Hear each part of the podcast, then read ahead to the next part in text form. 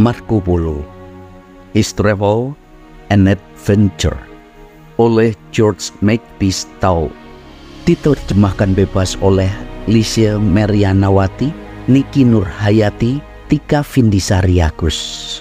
Teks ini merupakan terjemahan bebas oleh para orang tua praktisi metode pendidikan Charlotte Mason, Charmed Community.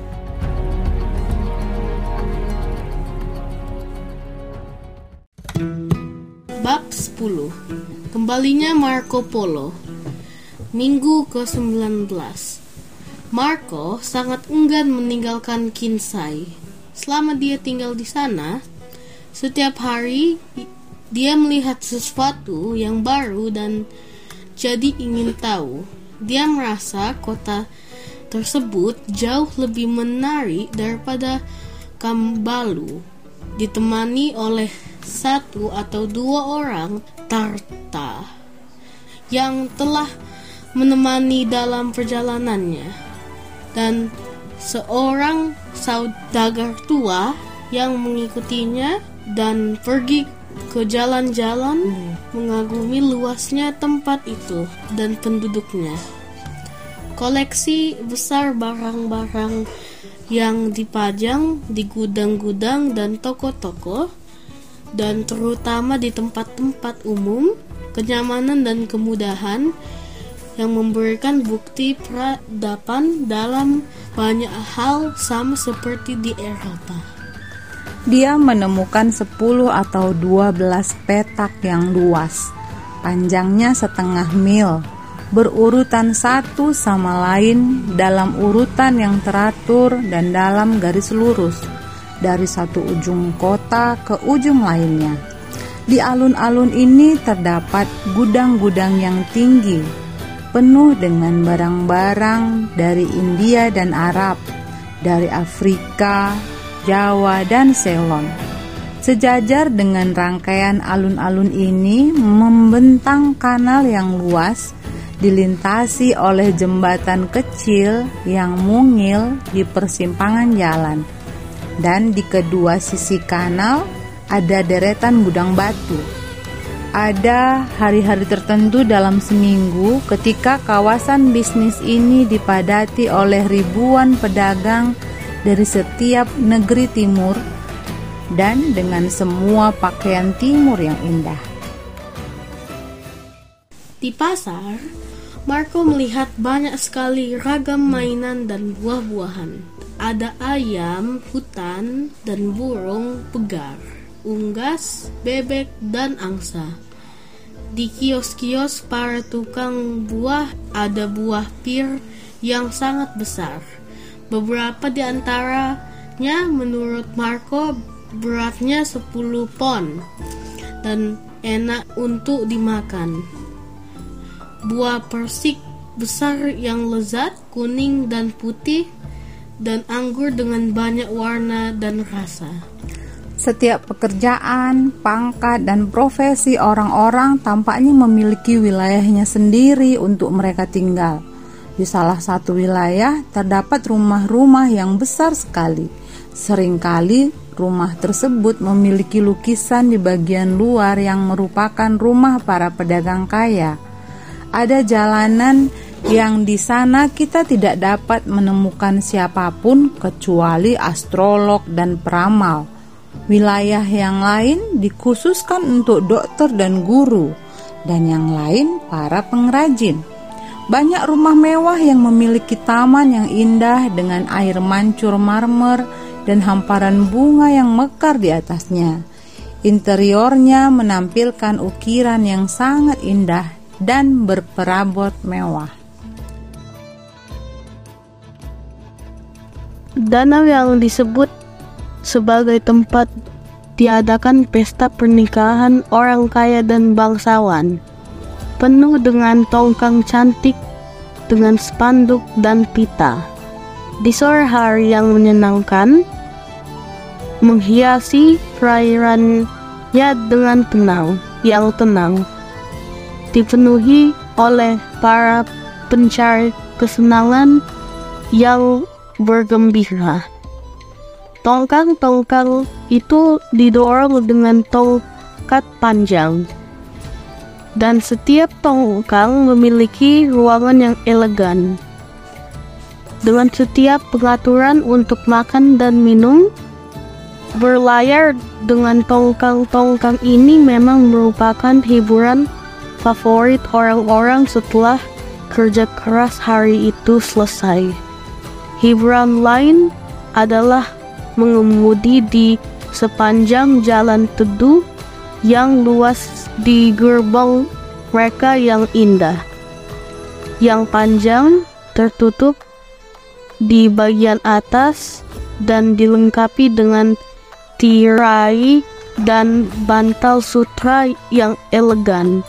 Tidak ada wanita Eropa, betapapun tinggi gelarnya, yang akan memandang rendah ketika naik ke atas salah satu angkutan mewah ini.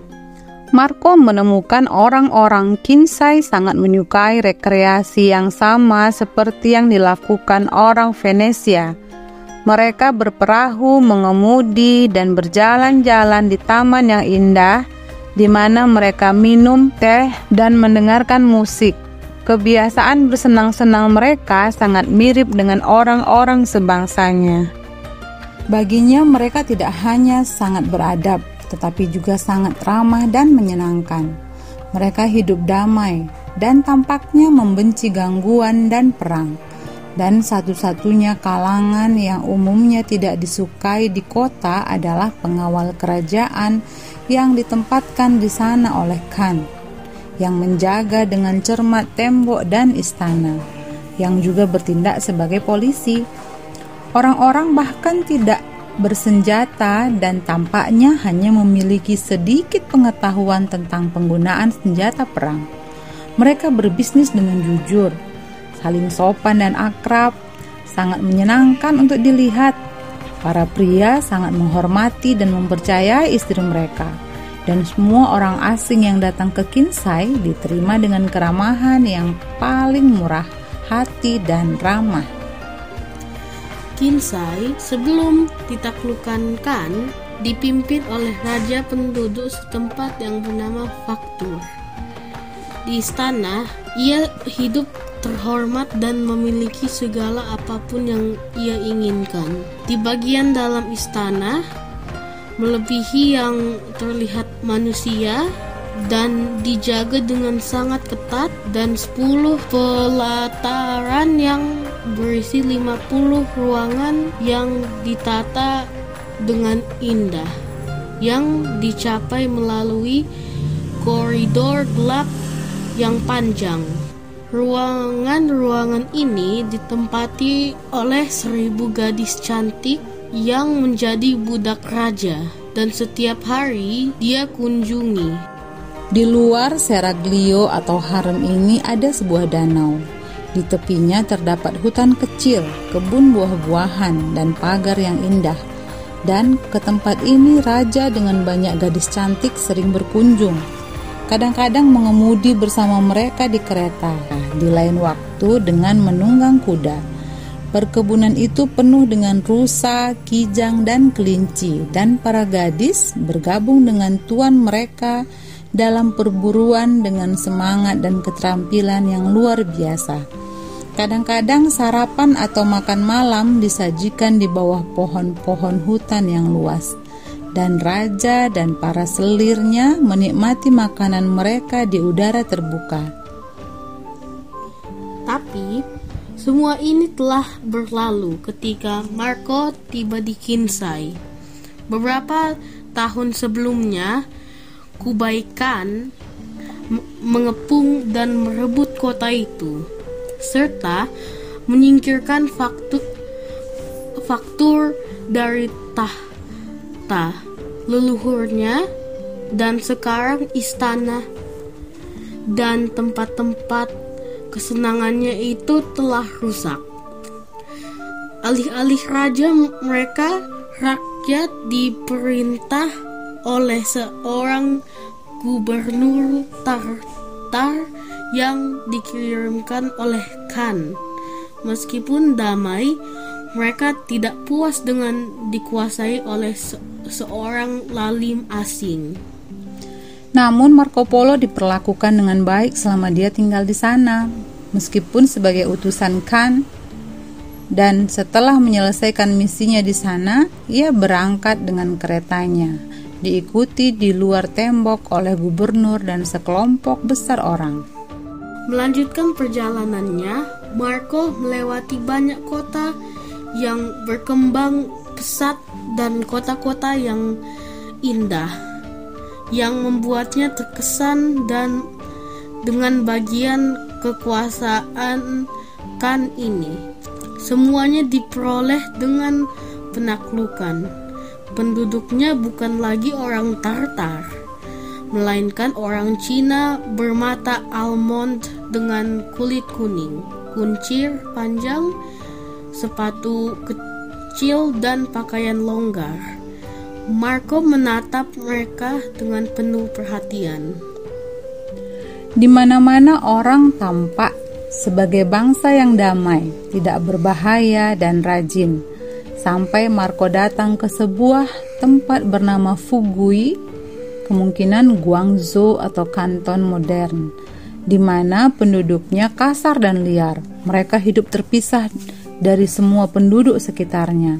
Mereka selalu berkelahi dan ketika mereka pergi berperang, mereka memotong rambut kepala mereka sangat pendek dan mengecat wajah mereka dengan warna biru tua yang memberi ekspresi yang mengerikan. Mereka selalu bertempur dengan berjalan kaki. Satu-satunya orang berkuda di ketentaraan adalah pemimpinnya. Para tahanan yang mereka bawa dimasak dan dimakan, dan tampaknya mereka sangat menikmati makan manusia. Marco tinggal di tempat ini sesingkat mungkin karena pengawalnya tidak bertubuh besar dan penduduk setempat begitu memusuhi para pengikut Khan. Dia takut mereka tiba-tiba menyerangnya. Sudah waktunya bagi Marco untuk kembali ke istana Khan dan melaporkan hasil tugasnya ke provinsi-provinsi barat. Ketika sudah waktunya bagi Marco untuk kembali ke istana Khan dan melaporkan hasil tugasnya pergi ke provinsi-provinsi barat. Ketika dia merenungkan semua yang telah dia lihat dan dan dengar, dia tidak bisa tidak tercengang pada peradaban, kekayaan dan aktivitas yang luar biasa dari orang-orang timur jauh ini yang hampir tidak pernah didengar di Eropa. Dan tentu saja keterampilannya yang luar biasa dalam seni dan industri yang tidak diketahui oleh bangsa Eropa sama sekali. Dia mengarahkan pandangannya ke masa depan dan meramalkan waktu ketika semua keajaib keajaiban ini akan diketahui dunia barat. Dia membayangkan sendiri perdagangan besar yang yang akan tumbuh antara barat dan timur. Betapa kemewahan, kenya, kenyamanan, dan perhiasan yang cepat atau lambat akan diperoleh Eropa dan Asia. Dari As Eropa dari Asia. Dalam hatinya dia senang telah melihat semua ini dan ketika dia kembali ke Venesia, dia memiliki kisah yang begitu mendebarkan untuk diceritakan.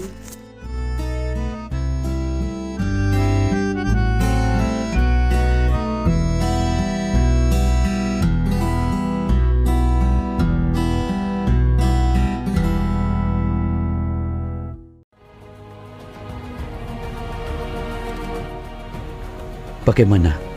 Menarik bukan? Selamat mengikuti.